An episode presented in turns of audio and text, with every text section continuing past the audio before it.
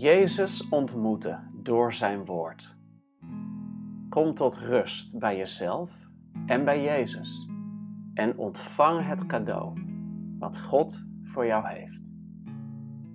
Dit is een geleid meditatief traject om te bidden met de Bijbel. Je probeert stil te worden en aandacht te hebben voor wat het woord van God met jou doet.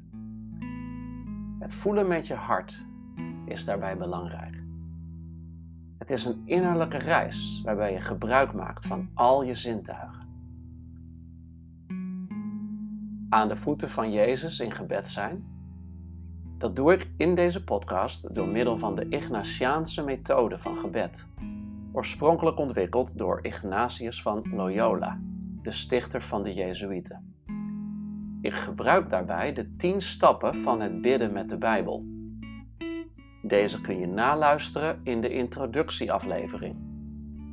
Je kan ze ook lezen in de beschrijving van deze aflevering. Zoek een rustige plek op met een Bijbel en een notitieblok.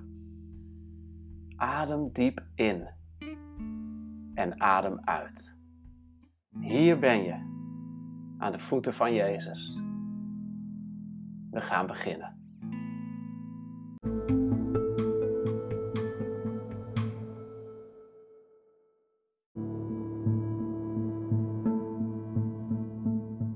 Het onderwerp van vandaag is de gelijkenis van het zaad.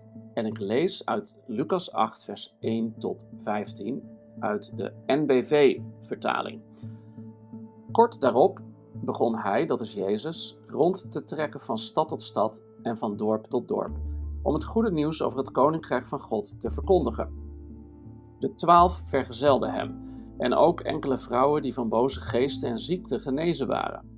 Maria uit Magdala, bij wie zeven demonen waren uitgedreven, Johanna, de vrouw van Guzas, de rentmeester van Herodes, en Susanna, en nog tal van anderen die uit hun eigen middelen voor hen zorgden. Toen er vanuit de steden mensen naar hem toegekomen waren en er zich een grote menigte verzameld had, vertelde hij deze gelijkenis. Iemand ging eens naar zijn land om te zaaien. Terwijl hij daarmee bezig was, viel er wat zaad op de weg. Het werd vertrapt en door de vogels opgegeten.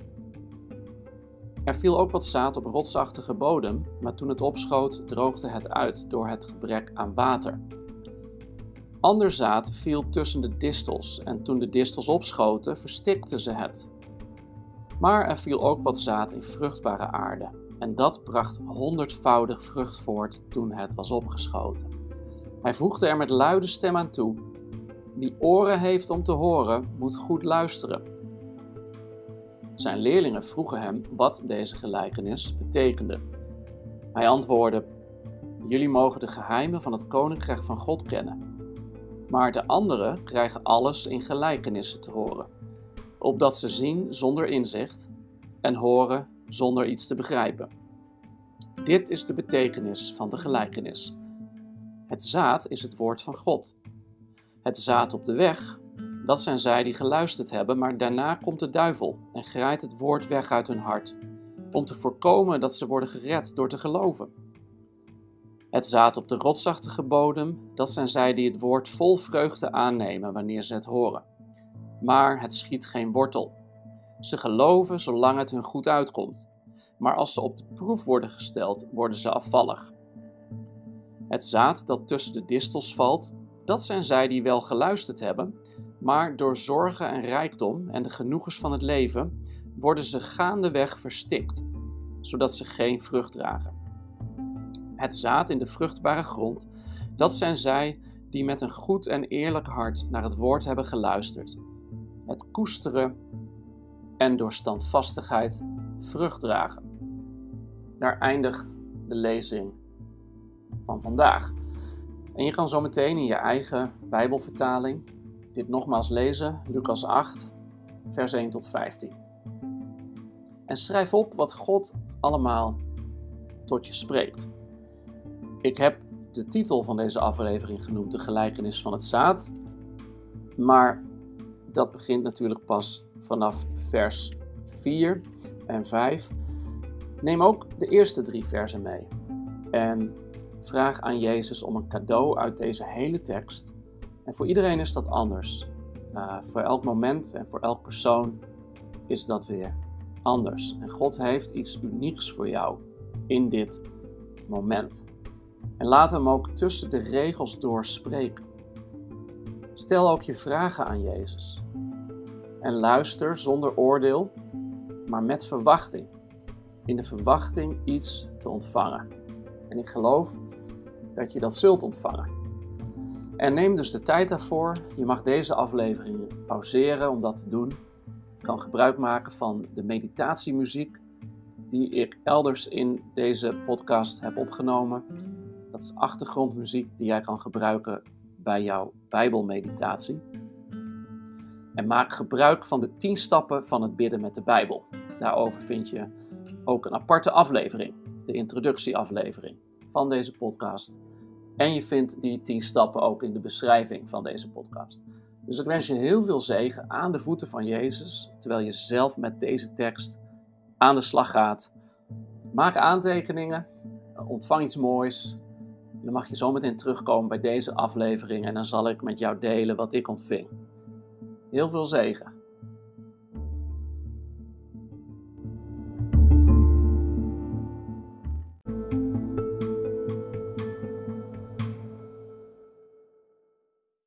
Geloof dat je een mooie tijd hebt gehad en echt iets persoonlijks hebt ontvangen. Laat ik van boven naar beneden door deze tekst heen gaan. Kort daarop, nou kort waarop, ik kijk altijd even terug. Hè, we waren natuurlijk gebleven bij het eind van Lucas 7, waar hij uh, bij Simon was, de fariseer. Uh, die, en waar alle ogen in eerste instantie richting de vrouw gingen, die, die, die de voeten van Jezus ging uh, nat maken met haar tranen, droog maken met haar haar.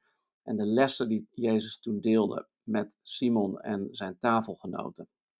Dus hij, hij komt daar vandaan en hij begint dan rond te trekken van stad tot stad en van dorp tot dorp om het goede nieuws over het koninkrijk van God te verkondigen. De twaalf vergezelden hem. Nou, dat is op zich heel uh, bekend en heel uh, ja, bekend beeld natuurlijk. Hij trekt rond en de twaalf discipelen die vergezellen hem. Maar dan staat hierbij, en ook enkele vrouwen die van boze geesten en ziekte genezen waren. En dan worden er drie met naam en toenaam genoemd. En dan van die vrouwen staat er, die uit hun eigen middelen voor hen zorgden. Wauw, wat, wat bijzonder. We hebben hier twaalf hongerige mannen plus Jezus die rondreizen. Nou, dat kost energie, dan heb je honger. En dan zijn er dus blijkbaar een heel aantal vrouwen die middelen hebben. Hier hebben we zelfs de vrouw van Gusas. En Gusas is de penningmeester van Herodes. Ja, eh, deze vrouwen hadden middelen. En ze geloofden in de missie van Jezus. En ze waren ook door Jezus bevrijd van ziekte en van demonen. En nu staat hun leven in het teken van het leven, van uh, Jezus volgen. En, en nu geven ze vanuit hun eigen middelen voor deze missie. Dat sprong er voor mij echt uit. Heel bijzonder. Nou, en dan gaan we verder en dan zien we dat er vanuit de steden mensen naar Jezus toe komen. En dan is er een grote menigte. En dan vertelt hij een gelijkenis. Nou, ik heb hier de woorden menigte, of, of grote menigte en gelijkenis onderstreept. Want wat je eigenlijk altijd ziet in de evangeliën, is dat Jezus tot de menigte spreekt in gelijkenissen. Hij spreekt dus in beeldspraak. En als hij met zijn leerlingen alleen is, dan legt hij het uit. En er staat ook een kort tussenzinnetje in dit tekstgedeelte, waar Jezus dat zelf ook zegt. Dat uh, de menigte, die hoort het alleen maar in beelden en in, in gelijkenissen. Maar uh, degenen die dichtbij zijn, zijn leerlingen. En degenen die echt willen horen en meer willen weten, naar hun legt Jezus de gelijkenis ook uit. Goed, maar Jezus vertelt deze gelijkenis, de gelijkenis van het zaad. En dat is natuurlijk een hele bekende gelijkenis, die vind je ook in andere evangeliën. En wat mij dan opvalt, zijn een aantal dingen. Uh, ten eerste dat er vier categorieën zijn van waar dat zaad valt. Dus iemand gaat naar zijn land om te zaaien. Het doel natuurlijk van een zaaier is dat er uh, zaad wordt gezaaid wat vrucht draagt, wat echt wat oplevert. En ik zie hier dat er vier categorieën zijn en drie van die vier categorieën, daar levert dat zaad niet het gewenste resultaat. Drie kwart en één kwart wel. De eerste categorie, nou we zien het hier, er viel het zaad op de weg. Dus dat valt niet eens uh, op het land, maar het valt op de weg. Nou logisch, wanneer je zaait, dan zaai je ruim. En sommige van het zaad valt net langs het land en valt op de weg. Uh, dat is de eerste categorie. De tweede is, dat, dat valt dan weliswaar uh, op het land, maar dat land heeft rotsachtige bodem. Dat is de tweede. De derde is tussen de distels. En de vierde categorie waar het zaad valt is in vruchtbare aarde. Dus ik zie hier vier soorten land waar het zaad valt. Als ik dan kijk naar de tweede categorie, daar valt het op rotsachtige bodem en dan staat er, maar toen het opschoot droogde het uit door gebrek aan water. Ik heb dat onderstreept, want ja, ik heb zelf een moestuin en, en ik heb een moestuin in een kast, met andere woorden, ik moet daar regelmatig heen om flinke hoeveelheden water te geven. Ik moet daar dus gieters water halen uit een grote tank en daar water gaan geven. En als ik dat niet doe, als ik dat lang niet doe, ja, dan gaat dat zaad gewoon niet uh, verder groeien. Dan droogt het uit. En dat viel me hier ook op. Gebrek aan water. Wat, wat, waar staat dat water dan voor? Nou, voor mij staat dat voor het water van het woord. Ik droog uit als ik niet het water van het woord heb. En het woord van God wordt ook vaak vergeleken met water. Het water van het woord, dat heb ik nodig. Nou, dan zijn dus die vier categorieën. En dan zegt Jezus in vers uh, eh, 10, Jezus antwoordde aan zijn leerlingen, jullie mogen de geheimen van het koninkrijk van God kennen. Maar de anderen krijgen alles in gelijkenissen te horen. Met andere woorden, uh, Jezus legt niet alles uit aan iedereen. Jezus is niet inclusief met iedereen. Hij is exclusief met sommigen. Hij includeert iedereen in zijn gelijkenissen, maar hij is een exclusieve groep aan wie hij de gelijkenis uitlegt. Aan hun legt hij de betekenis uit. En dat is het geheim wat zij mogen kennen. En dan zegt hij dit in vers 11. Dit is de betekenis van de gelijkenis. Het zaad is het woord van God. Nou, heel duidelijk. Heel duidelijk. Het zaad is het woord van God. En wat mij meteen opviel is, ik dacht, wow, er is maar een kwart van, van het zaad wat eigenlijk succes heeft. Maar, ik heb hier opgeschreven, dat ligt niet aan het zaad. Er is niks mis met het zaad. Het zaad wat op de weg valt is hetzelfde zaad als wat op vruchtbare grond valt. Hetzelfde zaad wat tussen de distels valt. Hetzelfde zaad wat op rotsachtige grond valt. Is, er is niks mis met dat zaad. Maar wat er uiteindelijk voor vrucht gedragen wordt, wat voor succes het zaad heeft, is 100% afhankelijk van de ondergrond waarop het wordt ontvangen. Dus wanneer het woord van God wordt gesproken, wanneer wij het woord van God brengen, dan is er niks mis met dat woord. Dat woord is 100% kwaliteit. Het woord van God is levend en actief als een tweesnijdend zwaard. En, en het zal blootleggen de gedachten van het, van het hart en, het, en de onderscheidingen uh, tussen onze ziel en geest blootleggen. Het woord van God is 100% gezond en krachtig en levend. Daar is niks mis mee. Waar het om gaat is hoe het woord wordt ontvangen. En dan zien we hier dat deze, Jezus die vier soorten grond waar het woord op terechtkomt, die vier categorieën, daar gaat Jezus vervolgens dieper op in. Het staat op de weg, zijn zij die geluisterd hebben, maar de duivel grijpt het woord weg uit hun hart om te voorkomen dat ze worden gered door te geloven. Dus daar, daar zien we niet eens dat die de mensen worden gered. Dus er zijn allerlei mensen hè, die, die eh, het woord van God wel eens ergens voorbij hebben horen komen. Ergens op tv, ergens in een eh, gesprek bij de borrel, ergens op een billboard, ergens misschien in een film. Maar de duivel was er als de kippen bij om enig, uh, wat, enig iets wat het woord zou kunnen doen weg te pikken. Om te voorkomen dat ze worden gered door te geloven. Dus de duivel heeft een rol. Die wil snel mensen weer afleiden. Als ze ergens die billboard tekst zagen. Als ze ergens uh, die quote zagen in een film wat ging over Jezus. Als ze ergens uh, iemand iets hoorden vertellen bij de koffieautomaat over Jezus, dan direct daarna is de duivel erbij met afleiding of misleiding. En ze worden niet eens gered door te geloven. Dus dat zijn mensen die niet eens gaan geloven. Het zaad op de rotsachtige bodem, dat zijn zij die het woord vol vreugde aannemen. Dus die, die worden wel gered. Eh, in ieder geval, die, dat, het lijkt zo alsof ze gered worden. En ze, ze zijn ook enthousiast. Ja, oh, dit is, hier ben ik enthousiast over.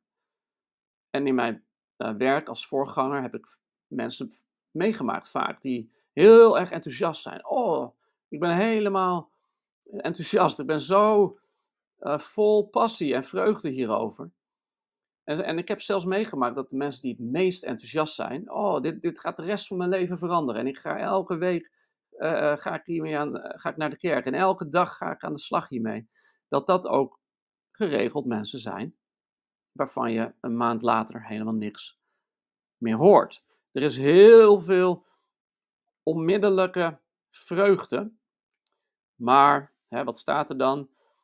Uh, het schiet geen wortel. Ze geloven zolang het hun goed uitkomt.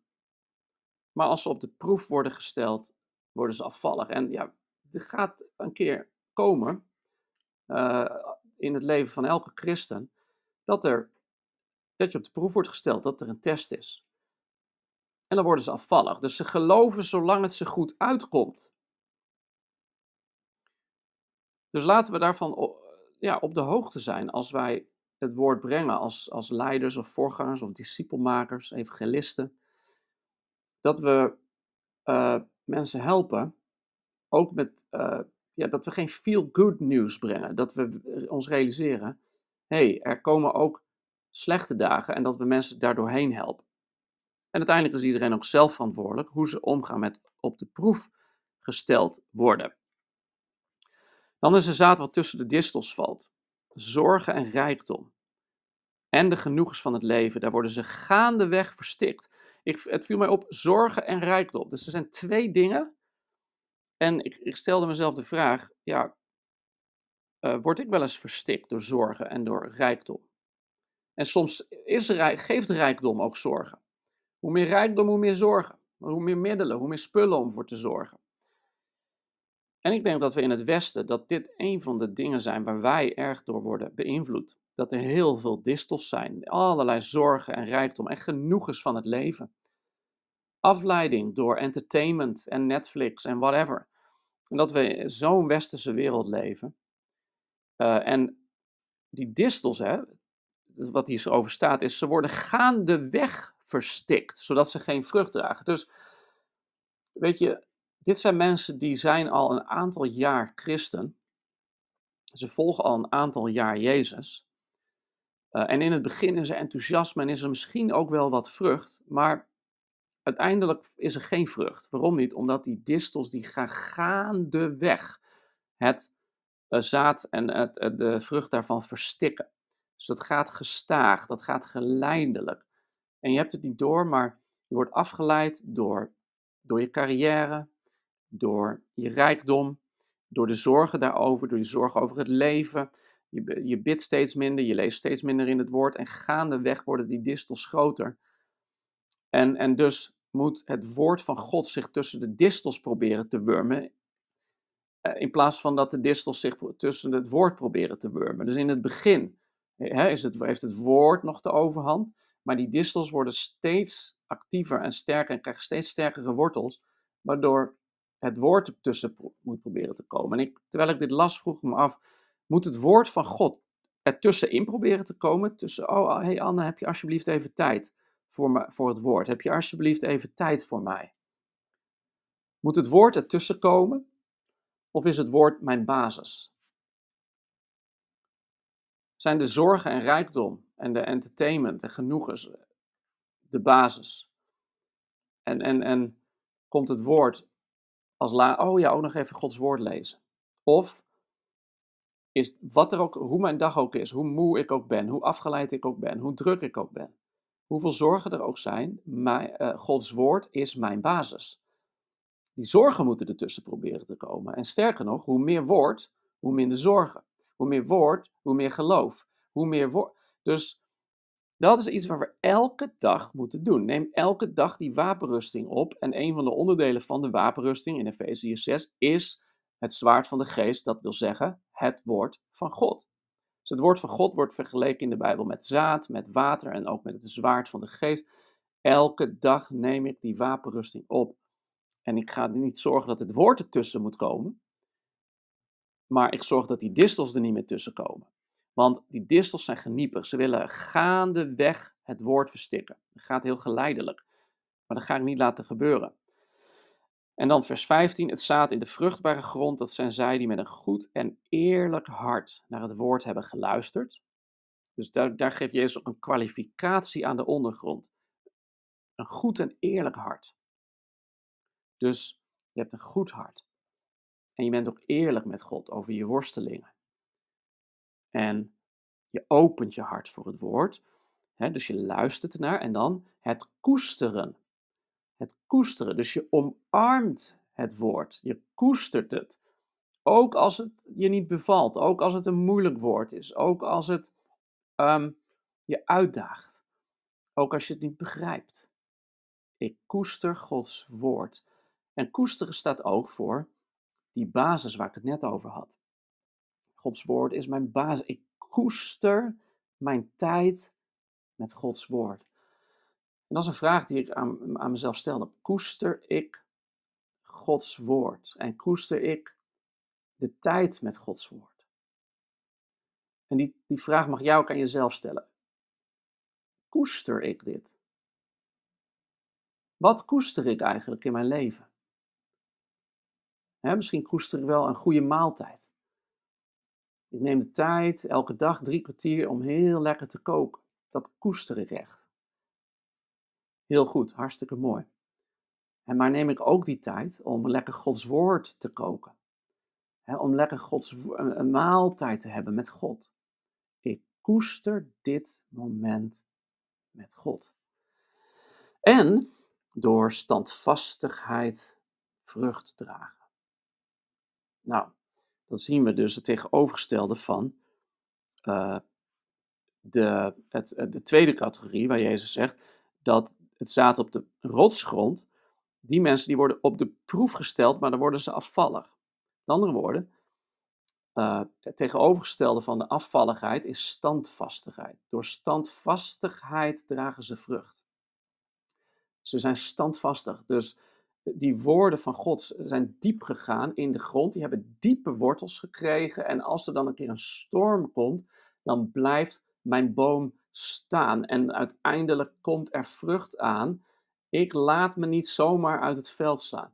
Weet je, de kracht van jouw boom en de kracht van jouw vrucht wordt niet bepaald uh, door uh, de vrucht, maar door de wortels. De wortels bepalen de vrucht.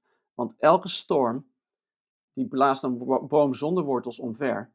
Maar een boom die sterk geworteld is. dus je gaat diep naar het water van het woord. Ga zo diep dat je onder die rotschot komt, komt in diepe grond. Wees diep geworteld en dan ben jij standvastig. En dat mogen we doen tot het einde. Zoals Jezus zelf zegt in Matthäus 24, vers 15. Hij die standhoudt tot het einde zal gered worden. Dus laten wij elke dag Gods woord in ons opnemen, zodat wij standvastig kunnen blijven tot het einde en die vruchten mogen dragen tot eer van Zijn naam. Ik hoop dat jou dit geholpen heeft. Ik wens jou heel veel zegen aan de voeten van Jezus deze week, terwijl jij Gods woord en de tijd met Hem koestert.